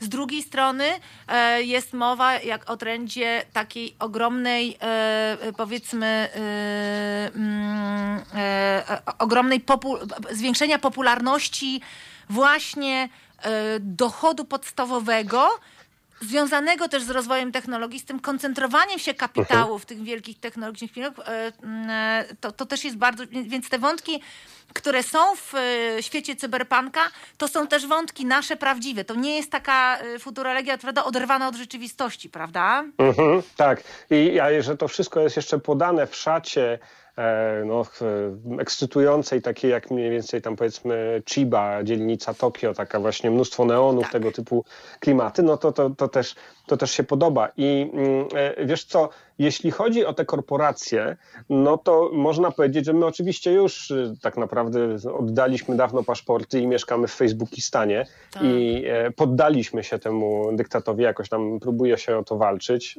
My jeszcze nie jesteśmy w takiej najgorszej sytuacji, no bo tam nie wiem, w Wietnamie powiedzmy to teraz się mówi, że Google i Facebook e, ramię w ramię z jakby dyktaturą e, komunistyczną wietnamską e, też włączają się w działania, które wpływają na, na znaczy utrudniają demokratyzację mm. i pluralizm w tej debacie politycznej, także może u nas nie jest tak, tak jeszcze naj, najstraszniej. Nie. Ale, mm, ale z drugiej strony, jak sobie pomyślisz, że tak, no Alphabet, czyli holding który, Google'a, Google. To jest e, holding, który ma w sobie Calico, czyli firmę, która ma się zajmować przedłużaniem życia mają teraz, e, tak, ogłosili, że będą też pracować nad robotami rolniczymi. Tam było takie fajne zdjęcie jakichś takich samojezdnych e, tak, kombajnów, tak, nie? Tak. Śmieszne. To wertykalne I, rolnictwo, cała ta tematyka tak, wyżywienia to, ludzkości, e, która, której jest coraz więcej. Właśnie I, i, i z jednej strony oczywiście zapala się lampka, dlatego że ja tutaj trzymam w ręku, jak rozmawiamy, książkę wydaną na początku lat 80. przez Szkiełko Futurologii Zygmunta Pikulskiego, taką broszurkę gdzieś tam z, z mroku e, kryzysu perelowskiego. I w zasadzie można powiedzieć, tam jest to wszystko już opisane dawno, że właśnie będą te roboty i różne inne cuda, mm, nie wiem, tam akwakultura itp., a z drugiej strony, więc, więc można powiedzieć, a dobra, to już słyszymy o tym od tylu lat i to się, to się nie dzieje. A z drugiej strony, jakby widzimy na naszych oczach, że to się trochę zaczyna dziać. Tak. No i wracamy znowu do tematu tych e, predykcji czy prognozowania. Mówiłaś o autonomicznych samochodach. Będą czy nie będą? Tak, no znam takiego uczonego z Szkoły Głównej Handlowej, który się zajmuje z tymi samochodami. Jak ostatnio był u mnie w biurze jeszcze przed przed pandemią, to mówi, a tam autonomiczne samochody to teraz 2050 e, albo nigdy. W sensie w ogóle być może nigdy ich nie będzie. Tak na niego patrzę, sobie, o czym ty mówisz? Przecież jeżdżą w Kalifornii te, na tych tak. testach samochody. Mm, z drugiej strony, co trzy dni temu chyba dotarła do nas wiadomość, że Uber sprzedał cały swój biznes autonomicznych samochodów Aurorze. To znaczy wycofał się z tego. Tak. I, i, i, i, i to jest fajny znak czasów, i pewne takie przypomnienie właśnie, jak to jest z tymi prognozami. Cztery lata temu Travis Kalanik, założyciel Ubera, który odszedł w niesławie, no. mówił, Uber musi jako pierwszy wprowadzić samochód autonomiczny, albo go nie będzie. Mhm. W sensie albo, albo Uber e, jakby upadnie. Kacper znowu na, znowu nam uciekłeś. Dobrze, to ja, y, zanim Kacpra z powrotem wdzwonimy, bo jeszcze mamy ostatnie pięć minut rozmowy z Kacprem, chciałabym je wykorzystać na to, żeby Kacpra podpytać o to, które trzy trendy technologiczne, predykcje on dzisiaj widzi jako kluczowe i takie, które rzeczywiście w naszym przyszłym, powiedzmy, 3-4-leciu będą miały znaczenie, ale troszkę podsumuję w tej chwili przez minutę, o czym sobie do tej pory powiedzieliśmy. Omówiliśmy sobie e, Cyberpunk jako e, bardzo ciekawą grę, taki mocny znak czasów, pomieszania pewnych światów i trochę nasza przyszłość nie będzie taka jednoznaczna, będzie trochę taka jak w Cyberpunku, czyli pewne rzeczy stare zostaną z nami, a pewne rzeczy zupełnie nowe przyjdą i do tego typu świata będziemy musieli przywyknąć. Mówiliśmy sobie z Kacprem o tym, żeby te predykcje, które sobie przegląd... Dobrze, e, jest Kacper z powrotem z nami. Mówiliśmy sobie o tym, podsumowuję troszkę Kacper, że tak. te predykcje, o których um, słyszymy, żeby brać je trochę przez pół, to znaczy nie liczyć na to, że jeżeli ktoś z, na, z ekspertów, nawet ekspertów wybitnych mówi za trzy lata będzie to, czy samochód autonomiczny, o którym zresztą mówiliśmy dużo w zeszłym tygodniu w y, tym programie, uh-huh. czy że będzie dochód y, minimalny na całym świecie za cztery lata, tylko żeby przyglądać się im cały czas, czerpać tak. z nich i jednocześnie być cały czas gotowym na zmiany. I teraz, ponieważ nam się przerwało, to chciałabym, bo mamy jakieś 5-6 minut jeszcze do końca naszej, e, tak. naszej rozmowy, to chciałabym, żebyś podsumował nam takimi trzema trendami y, y, futurologicznymi, które ty uważasz za kluczowe w najbliższej, powiedzmy, dwu, trzy latce, które na pewno już widzimy, że będą, będą się działy, na których byś naszych słuchaczy namówił, żeby przyglądać się im coraz bardziej. I ja też chętnie tego posłucham. Ha, no zacznę od rzeczy, której, e, która jest na, na ustach wszystkich, o której wszyscy mówią, e, czyli kwestia zdrowia publicznego. Mm, tak. Dlatego, że no teraz w kryzysie wywołanym przez pandemię koronawirusa zobaczyliśmy, w jak e, złym stanie jest, jest to zdrowie publiczne. Tak. I, no i to zmieniło oczywiście bardzo wiele. A można powiedzieć, widziałem takiego fajnego mema, że w 2019 święta zwiastuje nadjeżdżająca ciężarówka firmy tej, co robi słodki napój, wiemy o co chodzi. Tak. A, a w 2020 na święta wszyscy wyglądają, kiedy będzie ciężarówka Pfizera i przywiezie te szczepionki, nie? Tak. czyli nie czerwona, tylko tam biało-niebieska. Tak. Więc, więc nie uciekałbym od tego, bo tak jak w tym raporcie, w którym pisaliśmy o, o, pandemiach, które mogą wystąpić w tej dekadzie, e, w zeszłym roku, to no, przeżywamy teraz, jeszcze nie wychodzimy wcale z kryzysu covidowego, tak. a e, musimy patrzeć, co jest, co czai się za rogiem, więc, więc to jest to jest na pewno jeden trend, trend zagrożenia Mhm. Ale też nadziei na poprawę opieki nad publicznej, publicznej nad zdrowiem, dlatego że to chociażby takie nasze przyzwyczajenie, to mi się wydaje, że, że takim znakiem jest, że 80% ludzi akceptuje dzisiaj e, chociażby wizyty e, u lekarza online. Tak, to jest e, pozytywna zmiana mm. i e, mam nadzieję, że właśnie ten system będzie ulegał poprawie pod wpływem tego trendu. No. Drugi, drugi, który w Polsce jest bardzo czytelny i jakby się zastanowić, to, to jakby widać i e, najbliższa dekada będzie decydująca tutaj, no to jest trend związany z transformacją energetyczną w kierunku czystych źródeł energii. I to dotyczy absolutnie każdego, bo to dotyczy efektywności energetycznej, czyli, czyli na ile mój dom, moje mieszkanie, moje gospodarstwo, moja firma może zmniejszyć swoje zużycie energii elektrycznej czy ciepła, żeby po prostu no, ratować nas e, przed, przed skutkami zmian klimatu, e, ale też z drugiej strony to jest taki trend, powiedziałbym, cyberpunkowy, e, usamodzielnienia się, odłączenia się, jakby zmniejszenia swojej zależności od, od dostawców, co jest możliwe, jeśli na przykład pójdziemy w stronę właśnie nie wiem, ogniw słonecznych na dachu, czy,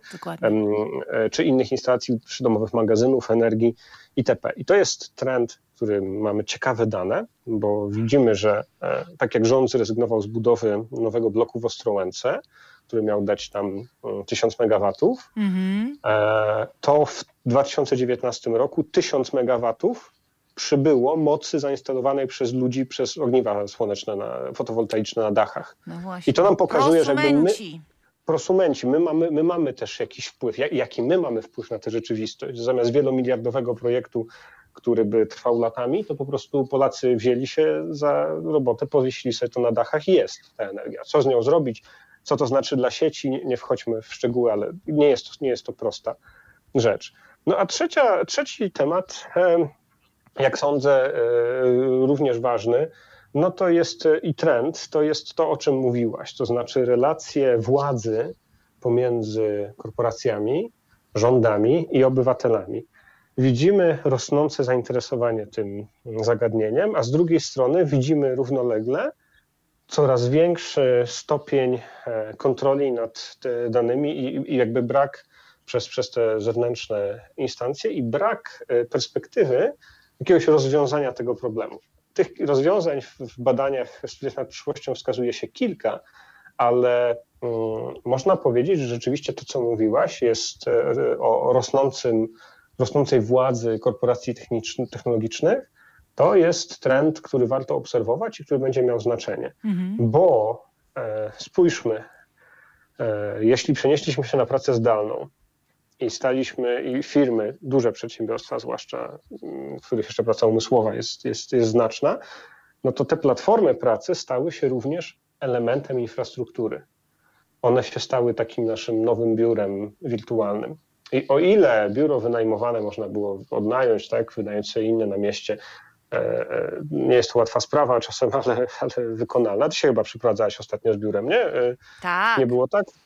Teraz e, e, no o tyle jakby stopień integracji z tą platformą, czyli, czyli właśnie utopienia pewnych inwestycji we wdrożenie jakiegoś systemu informatycznego, w którym wchodzimy w, w relację asymetryczną z tak. takim gigantem, który nam dostarcza jakąś platformę właśnie pracy zdalnej, tak. no to już jest grubsza sprawa i trudniej się z tego wyplątać. Więc, więc pomału gdzieś tam małymi krokami, małą łyżeczką nasze relacje z gigantami technologicznymi zacieśniają się. Co z tego wyniknie? No, przekonamy się. To zależy też od nas. Super, bardzo Ci dziękuję i to już koniec naszego czasu. Kasper, bardzo Ci dziękuję za Twój czas, za Twój mózg, wybitnym. dziękuję, dziękuję Jowito za zaproszenie. Fajnie Przepraszam, I że mnie zrywało. Musisz nad tym popracować. Wszyscy codziennie się czegoś uczymy. I zobaczcie Państwo, wybitni eksperci od y, przyszłości również mają kłopoty z technologią.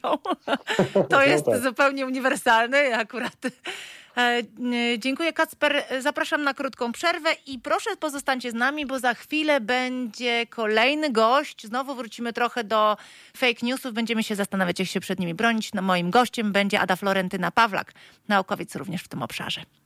Do usłyszenia. Dziękuję Państwu. Do usłyszenia. Halo Radio. Gadamy i trochę gramy.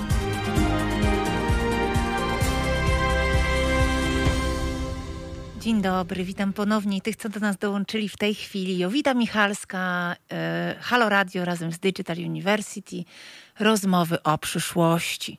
Czeka nas jeszcze pół godziny fantastycznych dyskusji z ekspertami o tym, jak się nasza przyszłość będzie kształtowała oraz co już się zmienia, na co możemy mieć wpływ albo jak powinniśmy odnosić się do pewnych zdarzeń. Dzisiaj rozmawiamy o szeroko, pojęty, o szeroko pojętych fake newsach, o infodemii, o całej sytuacji, którą, którą pandemia koronawirusa zdecydowanie wyskalowała. O tym, że coraz więcej wiadomości, które nas bombardują ze wszystkich stron, jak siedzimy w domach, jest wiadomościami nieprawdziwymi. Moim gościem przez następne pół godziny będzie wybitna ekspertka w tym temacie Ada Florentyna Pawlak, specjalistka również w obszarze transhumanizmu, ale w ogóle szeroko sztucznej inteligencji. E, ekspertka Instytutu Etnologii i Antropologii Kulturowej Uniwersytetu Łódzkiego. Ada, witam cię serdecznie. Dzień dobry, cześć Jowito, dzień dobry Państwu. No, dziękuję za takie mm, wspaniałą wizytówkę, mm. zawstydzającą wręcz. E, powiem Państwu, że zajmuję się takimi społecznymi kontekstami raczej sztucznej inteligencji i transhumanizmu, a tutaj w tym kontekście oczywiście te kwestie związane z prawdą, z fikcją e, no, mieszczą się jak najbardziej, więc Absolutnie. mam nadzieję, że coś będę mogła dodać do, e, tutaj do Waszej do rozmowy, do programu. Nie mam żadnych co do tego wątpliwości, mam do Ciebie tylko prośbę, prośbę, żebyś mówiła językiem zrozumiałym dla słuchaczy, bo rozmawialiśmy już dzisiaj z profesorem Jemielniakiem godzinę temu, e, że e, naukowcy, którzy rzeczywiście reprezentują ten nurt prawdziwych informacji, często, często posługują się językiem swoim, którym się posługują na co dzień, czyli trochę trudnym dla naszych słuchaczy. Więc proszę, żebyś na to zwracała uwagę. I pierwsze pytanie, Ada, do ciebie. Chciałabym porozmawiać o, o budowaniu zaufania w ogóle w tym e, takim świecie deepfake culture. Przybliż nam w ogóle ten termin. Co to jest deepfake culture? Tak, wiesz co, ja myślę, że no, on oczywiście się nie rozpoczyna z samą epoką um, fake newsów, no, chociaż tutaj media, które dostaliśmy do ręki, ta wielka przemiana, o której między innymi na przykład pisze w, no, w tej swojej ostatniej książce Jacek Dukaj po piśmie, on wskazuje na to, że przechodzimy od kultury pisma do kultury obrazu, prawda? Czyli jako no, społeczeństwa no, znacznie częściej konfrontujemy się z tą e, kulturą e, wizualną, na której jednak i jej odbiór i manipulacje na obrazie są znacznie prostsze. I teraz mamy rzeczywiście mm, tutaj sferę tej no, fałszywej kultury na poziomie obrazu e, niesamowicie rozbudowaną, co pewnie mówiłaś też o mm, syntetycznych mediach, prawda? O E, tych istotach, które zaczynają się wyłaniać, technopersony, które nas udzą, z, z którymi coraz częściej wchodzimy no, w coś, co jest odpowiednikiem prawdziwych relacji, ale które no, trudno jako prawdziwe relacje określić. Natomiast ta skłonność do fikcja, do, do, mm, takiego no, wysokiego, można powiedzieć, waloryzowania fikcji. Ona się też bierze chyba ze takiego w ogóle wyczerpania naszej epoki. No bo zobaczmy, jak jest teraz krajobraz duchowy naszej epoki. Z jednej strony sekularyzacja, widzimy w mediach cały czas, prawda, co się dzieje tutaj z kwestią tej wiary instytucjonalnej, tak, społeczeństwo, które stało się takie nowoczesne, tak. przenosi legendy, przenosi opowieści z kościoła, też religia, pamiętajmy, dawała wachlarz emocji jednostce, która tego, kiedy zostaje pozbawiona, no ma w sobie taką wyrwę metafizyczną, mhm. potrzebuje jednak z tej codzienności e, transcendować tą codzienność, wyjść gdzieś dalej e, wyobraźnią. No i tutaj ta wyobraźnia oczywiście wychyla, wychyla nam się w przeróżne strony. No a o, obecna sytuacja pandemii, tak jak mówiłaś, no, sprawia, że już w ogóle żyjemy w czasach takich przerażonych wspólnot. Tak? Strach stał się głównym rysem tej współczesnej kultury. No już o, ostatni rok rzeczywiście to pokazał. I brak oparcia w tych dotychczasowych strukturach społecznych, czyli właśnie między innymi ta wiara instytucjonalna, ale również to, że przecież wyprowadzamy się do miast, prawda, rodziny oddalają się od siebie, niepewność jutra e, wydaje się wymuszać na jednostce takie odczuwanie e, lęku. No i co? Kultura właśnie postpiśmienna, która umożliwia powielanie, wieczną aktualizację no ona sprawia, że żyjemy coraz bardziej w czasach wciskania kitu niestety. A zauważmy, że ta budowa mediów społecznościowych no jest też zrobiona w, tak, w oparciu o naszą cielesną bioarchitekturę, bioarchitekturę człowieka, zwłaszcza nasz system dopaminowy, czyli te serwisy, w których my teraz właściwie spędzamy no, gro naszego czasu. One są niestety stworzone tak, aby uzależniać nasze ciało też od tych dopaminowych zastrzyków, prawda? Po otrzymaniu lajka chociażby, czy, czy tak. jakiegoś komentarza. No i oprócz tego, no można powiedzieć, że no, algorytmy sprawiły, że właściwie sieć internetowa stała się takim prywatnym labiryntem milionów tezeuszów, tak, spersonifikowanym przekazem, czyli takim przekazem dla każdego z nas. Siedzimy przed tym um, szklanym e, ekranem i dostajemy również odpowiedź na nasze lęki, tak, algorytmy czytają, czym się interesujemy, dają nam tego, um, tego więcej. Otóż to. No właśnie, jeszcze jedną powiem rzecz, że ta wiedza, którą dostajemy nie poprzez rozmowę, prawda, ciało w ciało, tylko którą czerpiemy um, jednak czytając, oglądając obrazy bardzo inwazyjne czasem, no przytłacza nas, a i takie skomplikowanie, niejednoznaczność powoduje, że powstaje w nas szereg mechanizmów obronnych, od zaprzeczenia, wyparcia, po um, takie ucieczkowe mechanizmy, upraszczanie ideologiczne, no widzimy to, um, co się dzieje w mediach, widzimy, co się dzieje z naszymi emocjami. I no, kłamstwo stało się niebezpieczną bronią masowego rażenia bo niestety ono czasem bywa po prostu skuteczne i ci, którzy się nim posługują, no, chętnie korzystają z tego. Absolutnie tak. Wiesz co, y, poruszyłaś mnóstwo ciekawych wątków i powiem ci, moja droga, że tych, których dzisiaj jeszcze nie poruszaliśmy. Więc ja bym troszkę wróciła i rozwinęła Um, nie mówiliśmy dzisiaj o syntetycznych mediach. Rzeczywiście ja, ja robiłam Digitoka, mój wideo podcast, któryś odcinek jest y, o syntetycznych mediach, rzeczywiście całkowicie, ale gdybyś mogła troszkę przybliżyć, bo, bo to jest dodatkowy layer. Mówiliśmy o tym, że e, są interesariusze różnych teorii spiskowych, którzy na tym w jakiś sposób zyskują, bądź zarabiają, bądź sieją e, zamęt, ferment, ale na to nakłada się jeszcze cała ta część fejkowa mediów syntetycznych, syntetycznych postaci w mediach. Mogłabyś przybliżyć ten wątek naszym słuchaczom, co to jest? Nie wszyscy mieli jeszcze kontakt. Tak, tak. E, no właściwie możemy powiedzieć, że jest to w tym momencie, prawda, cała branża e, nowego przemysłu, która nam się wyłania w związku z e, możliwościami, jakie daje technologia. Technologia graficzna, technologia obrazu, ale również sztuczna inteligencja. Widzieliście Państwo pewnie, bo krążyło tego w viralu bardzo dużo, czy różne deepfake video, tak? Czyli tak określamy e, zmanipulowany obraz, e, ale obraz ruchomy, tak? Bo tu też przypomnijmy, że te syntetyczne postacie, one mają bardzo długą tradycję, bo fotografia, która wydaje nam się odbiciem rzeczywistości, no nie zawsze tym odbiciem jest. Ona, manipulacje na obrazie fotograficznym były właściwie tak stare jak sama fotografia. Tak. E, natomiast obraz e, wideo, prawda, i tutaj to, że możemy nałożyć jedną postać na drugą postać, prawda, lub to, że zaopatrzyć w inny przekaz e, czyjś wizerunek. Możemy powiedzieć, że jest to odłączenie w jakiś sposób ciała biologicznego i umysłu jednostki od tego, jak percypujemy jej obraz w mediach. No, mamy oczywiście bardzo e, dużo e, narzędzi. Mamy przemysł, w którym e, takie działania no, są bardzo korzystne. Zresztą cały przemysł filmowy, przemysł growy, tak? Firma taka jak Staramba na przykład um, przenosi obraz 3D, tak? Obraz trójwymiarowy aktorów, takich jak nie wiem, George Clooney, sportowców, tak. jak David Beckham, ponieważ to się um, to rzeczywiście się opłaca. Mieliśmy to również już e, w wyobraźni Stanisława Lema w książce Kongres Futurystyczny, prawda? Tak. Powstał też, e, też film na ten temat, gdzie rzeczywiście no, widzieliśmy, co motywuje przemysł wielki, żeby uzyskiwać takie prawa od aktorów. Tak? Wielka skalowalność, po prostu mm, to się, to się opłaca. Zobaczmy, że taka osoba staje się cyfrowo nieśmiertelna, prawda? Mimo, że jej ciało biologiczne będzie się e, starzeć, będzie się zmieniać, jej energia będzie się w jakiś sposób e, tak. wyczerpywać, no to tutaj na ekranie ona będzie ciągle żywa, e, ciągle będzie mogła być umieszczana, no właśnie, uwaga, w rolach, na których niekoniecznie mogła wyrazić zgodę, tak? no nie musimy już tutaj jakichś ekstremalnych, takich jak mhm. przemysł pornograficzny, pornograficzny, ale jakiekolwiek głoszenie idei, które powiedzmy nie było wcale zgodne e, z duchem e, tej osoby, która została do tej sieci przeniesiona.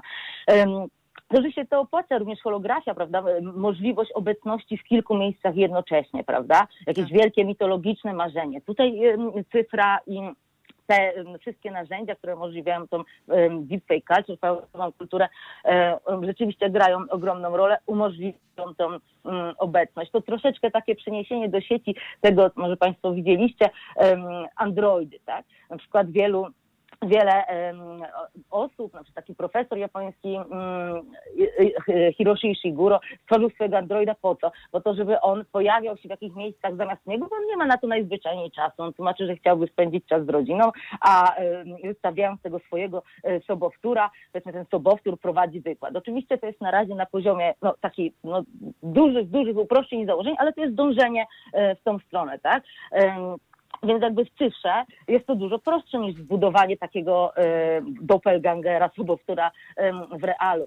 E, nauczyciele duchowi, ludzie korzystają oczywiście z e, wielu takich portali, jakby no próbując tutaj podnieść ten swój poziom energetyczny w tym czasie teraz e, ciężki. E, na przykład e, Deepak Chopra stworzył swoją syntetyczną również personę, tak? Jakby umożliwia to później co? Tak naprawdę odłączenie tego umysłu i ciała osoby, scedowanie to na cały zespół inżynierów, informatyków, którzy będą no, operatorami powiedzmy tych cyfrowych e, ciał, które będą przekazywać te informacje. Tak. No, natomiast no, to przeniesienie nas do tego świata cyfrowego, no zobaczcie Państwo, że ono na to pozwala, tak? Jeśli my coraz mniej e, jesteśmy na tej agorze w realu, tak? E, na powietrzu pod tym słońcem obok innych ciał, nie stosujemy mowy ciała, nie jesteśmy blisko siebie, jesteśmy w stanie przywyknąć do tej persony cyfrowej, tak? tak. Korzystać z tych rozmów takich no, zapośredniczonych sztucznym sztucznym ciałem. No jednak na e, pewnym e, poziomie, tak, naszym, no, my wiemy, my czujemy, że coś jest nie tak. No cała Dolina Niesamowitości również rozciąga się przecież nie tylko dotyczy Androidu w świecie realnym, ale rozciąga się na świat cyfrowy, na to jak my odbieramy, jak czujemy, że coś jest nie tak e, z tą istotą, która nam się e, jawi na tym ekranie. E, Dokładnie. I to może w jakiś sposób zaburzyć nasze rozumienie prawdy i fałszu. Może nas no, nie lada również przestraszyć, ale również spowodować pewnego rodzaju takie no, skamienienie, niewrażliwość na rzeczywistość naprawdę, dlatego bardzo nam jest potrzebny taki system operacyjny w ogóle e, nastawiony na wiarygodność. Tak, tak, tak, wiesz, to myślę, że znowu tu poruszasz super wątki, już tak łapie, łapie, łapie, nawet nie wiem, który pociągnąć. Pierwsza rzecz, wydaje mi się, z, tym, e, z tą syntetycznością, to tutaj są dwa wątki. Jeden jest pozytywny, drugi taki średnio. Pozytywny jest taki, że my możemy niejako dupli, dupli, e, duplikować siebie, czy też zwielokrotniać siebie i mi, biorąc pod uwagę, że mam E, bardzo dużo pracy, bardzo mało wolnego czasu, a chciałabym tak. jeszcze więcej zrobić. Jawi się to fajnie. Mój e, amerykański szef Peter Diamandis, szef, założyciel Singularity University, który dwoi się i troi, właśnie odpalił takiego Virtual Petera, który na przykład tak. e, robi przegląd mediów i przegląd ciekawostek technologicznych, których dostajemy do skrzynki. Robi to jego postać wirtualna. Jego przyjaciel Tony Robbins, też ważna postać globalna, taka trochę na styku biznesu i duchowości, głównie więcej w duchowości, w psychologii. E, też, a ponieważ Tony Robbins od wielu, wielu lat bardzo skrupulatnie nagrywał E, setki tysięcy godzin swoich e, tak. wystąpień, tak. to on jest w tej chwili całkowicie zwirtualizowany e, i można już na przykład indywidualne terapie, tak, date with destiny, taka randka z przeznaczeniem swoim, jak on to nazywa, można już przeprowadzać jego wirtualną wersją. Mówisz Deepak Chopra, również to samo. Więc z jednej strony myślimy sobie, ok, Angelina Jolie przysłowiowa jest w stanie ileś filmów nakręcić w ciągu roku. W momencie, kiedy będziemy mieli też do dyspozycji jej syntetyczną wersję, będziemy mo będzie mogła tych filmów nakręcić pięć razy tyle, zarabiając na tym. Więc to są dodatkowe źródła przychodów. My, zwykli zjadacze chleba, będziemy mogli udostępnić swoją syntetyczną wersję, która być może będzie na przykład twarzą e, bota e, obsługi klienta gdzieś w Chinach, Chinach, bo jesteśmy bardzo europejscy i tam niezwykle mile widziani, będziemy w ten sposób zarabiać, tak? To jest pierwsza ta, ta opcja. Znowu druga, że syntetyczne postaci, których my w ten sposób nie do końca postrzegamy i wydają się nam wiarygodne, albo podrobione wersje właśnie Donaldów, Trumpów i, i, czy też Jeffów Bezosów, których nie, nie, wszyscy jesteśmy w stanie rozpoznać. Mówią różne rzeczy, które niekoniecznie te osoby, które są bardzo wiarygodni i stoją za nim ogromne pieniądze, mówią. Więc tutaj jest ta część. Myślę, że nie wiem, czy się ze mną zgodzisz, bo to będzie moje kolejne pytanie. Czy my w, w najbliższych latach będziemy się uczyli tego, żeby, żeby po pierwsze odbierać te dwa światy, żeby lepiej, bo my jesteśmy trochę jak dzieci we mgle na razie w tym drugim świecie, w tym czysto cyfrowym, prawda? Czy my będziemy się tego Tak. uczyć? Jak się tego uczyć? Jak, e, bo chciałabym, żebyś powiedziała, jak, się, jak to odróżniać, prawda? Jak rzeczywiście, jakie można już dzisiaj metodę, żebyśmy jak najbardziej praktycznie potraktowały naszą dzisiejszą rozmowę i troszkę dały e, naszym słuchaczom jakiś, żebyśmy zostawiły je z jakimiś wskazówkami, prawda? Tak. Em, Wiesz co, czyli tak, mówimy z jednej strony o tych czynnikach, z drugiej strony o technikach fejkotwórczych, Tak. tak. których ta znajomość pozwoli nam odróżniać takie przekłamane treści i, i, i blokować kulturę em, fake newsów em, czy fake obrazów. No właśnie, mm, mi przypomina się mm, to, co, o czym mówił Toby Walsh. On formułował coś, co nazwał prawem czerwonej flagi Turinga. I on myślał o tym w taki sposób, że powinno to być zabezpieczenie przed łudzeniem humanoidalnych robotów. No ale przecież możemy rozciągnąć to również na świat cyfrowy, na te cyfrowe symulakry, bo one też generują ten lęk przed sobowtórem. Tak. No bo z nimi spotkamy się szybciej, prawda? Taki, co, tak jak mówisz, no, em, przeciętna osoba, zjadacz chleba, em, częściej będzie interagować jednak z, z sobowtórem, em, który jest tą cyfrową tech personą, niż raczej z zaawansowanym androidem na co dzień. Więc jakby na tym zdecydowanie powinniśmy się e, skupić.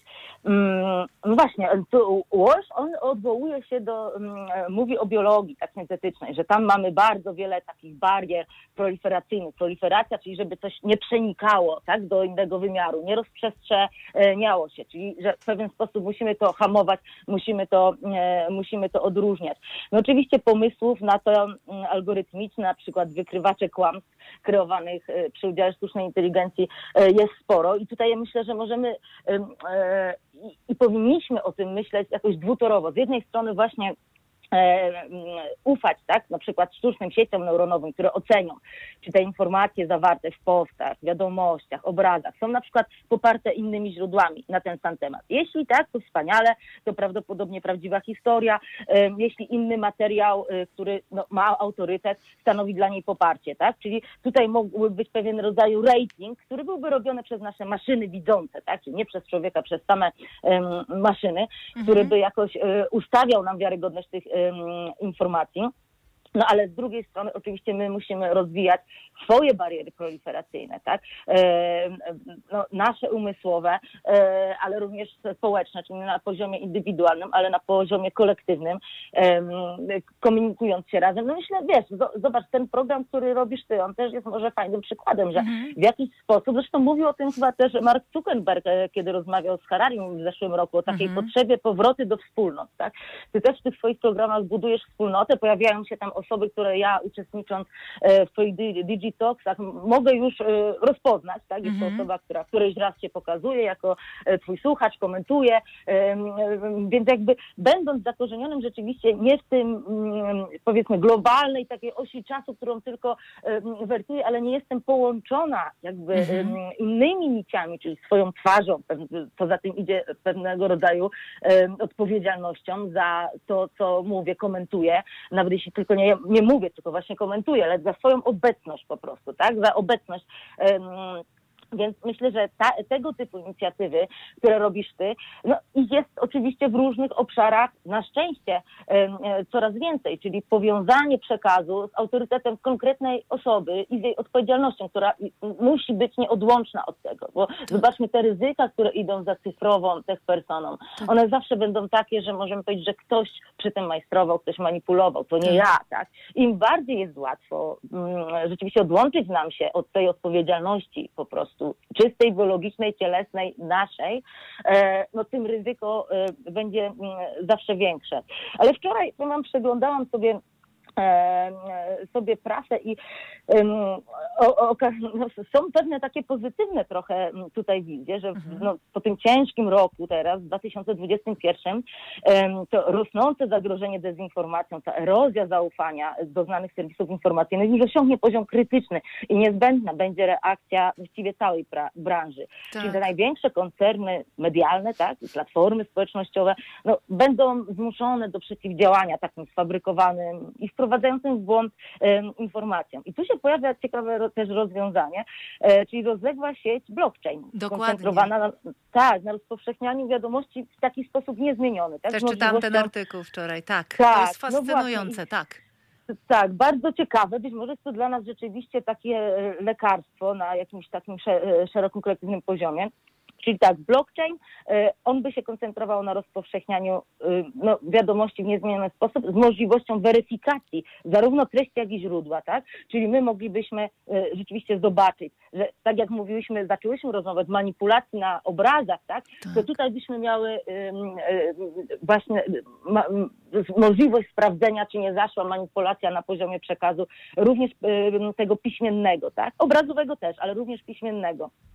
Czyli ta, dzięki takiej strukturze wszystkie wprowadzone zmiany w tym przekazie byłyby natychmiast widoczne dla wszystkich, dla wszystkich, którzy by z takiej informacji em, chcieli skorzystać. Ta informacja by umożliwiała identyfikację źródła. Może by to wyeliminowało fake newsy. Myślę, że mm, platformy teraz Facebook czy Twitter y, y, no i ich no, po prostu odpowiedzialność y, społeczna sprawia, żeby mogły w tą technologię zainwestować. Jak tutaj pisał autor tego artykułu, motywowane instynktem samozachowawczym. To jest ważne, bo ludzie tego naprawdę chcą, potrzebują i, i, i społecznie jest to dla nas teraz y, bardzo ważne w takim kryzysie, żebyśmy wzajemnie sobie y, po prostu ufali. Tak, to jest bardzo, bardzo fajnie, że to mówisz. Zresztą ten, kurczę, ten blockchain też mnie tutaj jakoś e, natchnął e, jakimś e, pozytywnym myśleniem, jakąś, jakąś otuchą, że być może Tak. ten, ten, ten, ten temat się gdzieś zostanie załatwiony. Dobrze. Na zakończenie, Ada, bo mamy jeszcze tak myślę ze cztery Tak. minutki. em, co byś chciała doradzić naszym słuchaczom? Takie jakieś, wiesz, lifehacki. Ja lubię te hinty lifehacki, one się bardzo zawsze dobrze, dobrze słuchają i ludzie chcą mieć, wyjść z jakąś jedną, dwoma, trzema rzeczami, które mogą sobie powiedzieć tak, a ja teraz stosuję to i to, bo mi powiedziała to taka, e, ta, ta, taka znana naukowczyni Ada Florentyna Pawlak w Halo Radio.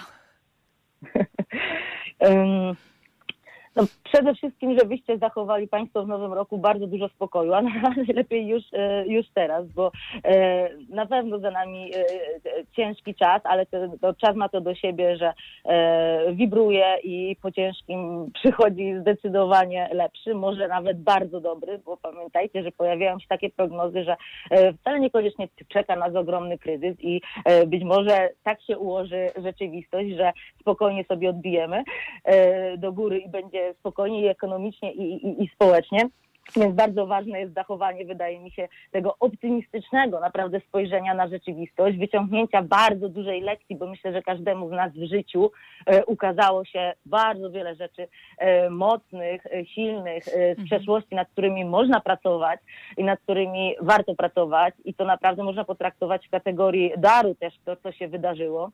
E, No i w tym 20 2021 roku pamiętajmy o właśnie o prawdzie i takiej byciu odpowiedzialnym za swoją obecność, tak? Bo to, co się dzieje w tej przestrzeni cyfrowej, czyli to odłączanie e, ciał od obecności, e, możemy nad tym sobie pomedy- pomedytować, jak tak naprawdę jest to istotne, jak to wpływa na naszą codzienność pozaekranową, a może jest to właśnie też jej wynikiem.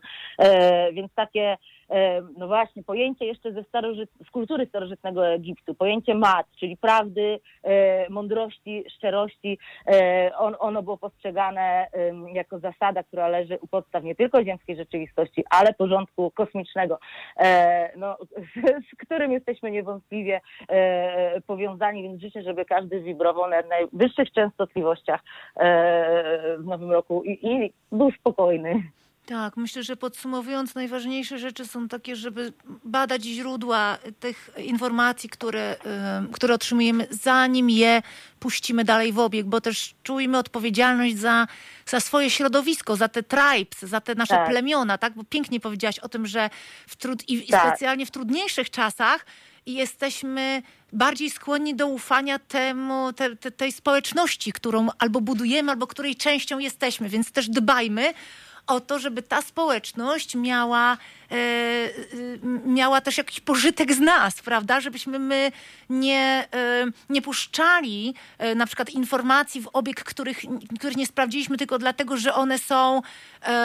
Clickbaitowe, tak. no tak, tak, że one są świetnie klikające się, prawda? Tak. Żebyśmy nie straszyli, nie przekazywali też, bo powiedzmy sobie, teraz się zbliżają święta, więc jest też taki moment, że ta wspólnotowość będzie rosła i że będziemy czuli, i też mi się wydaje, że w pandemii czujemy większą odpowiedzialność za siebie nawzajem. Ros, rośnie ta taka odpowiedzialność społeczna, już nie jesteśmy tą taką indywidualną jednostką, tylko pakujemy tę energię i emocje trochę też w innych wokół, prawda? Więc dbajmy Tak. o innych też i o ich mózgi i o to, żeby mm, nie przekazywać po pierwsze tych niesprawdzonych, negatywnych przede wszystkim treści, bo ja widzę, że e, mnóstwo ludzi pasjonuje się tym przekazywaniem tego właśnie, e, jakby e, roz, rozwijaniem tego lęku. Zatrzymajmy to, zwłaszcza jeżeli to są niesprawdzone źródła, tak jak obie tutaj mówiłyśmy.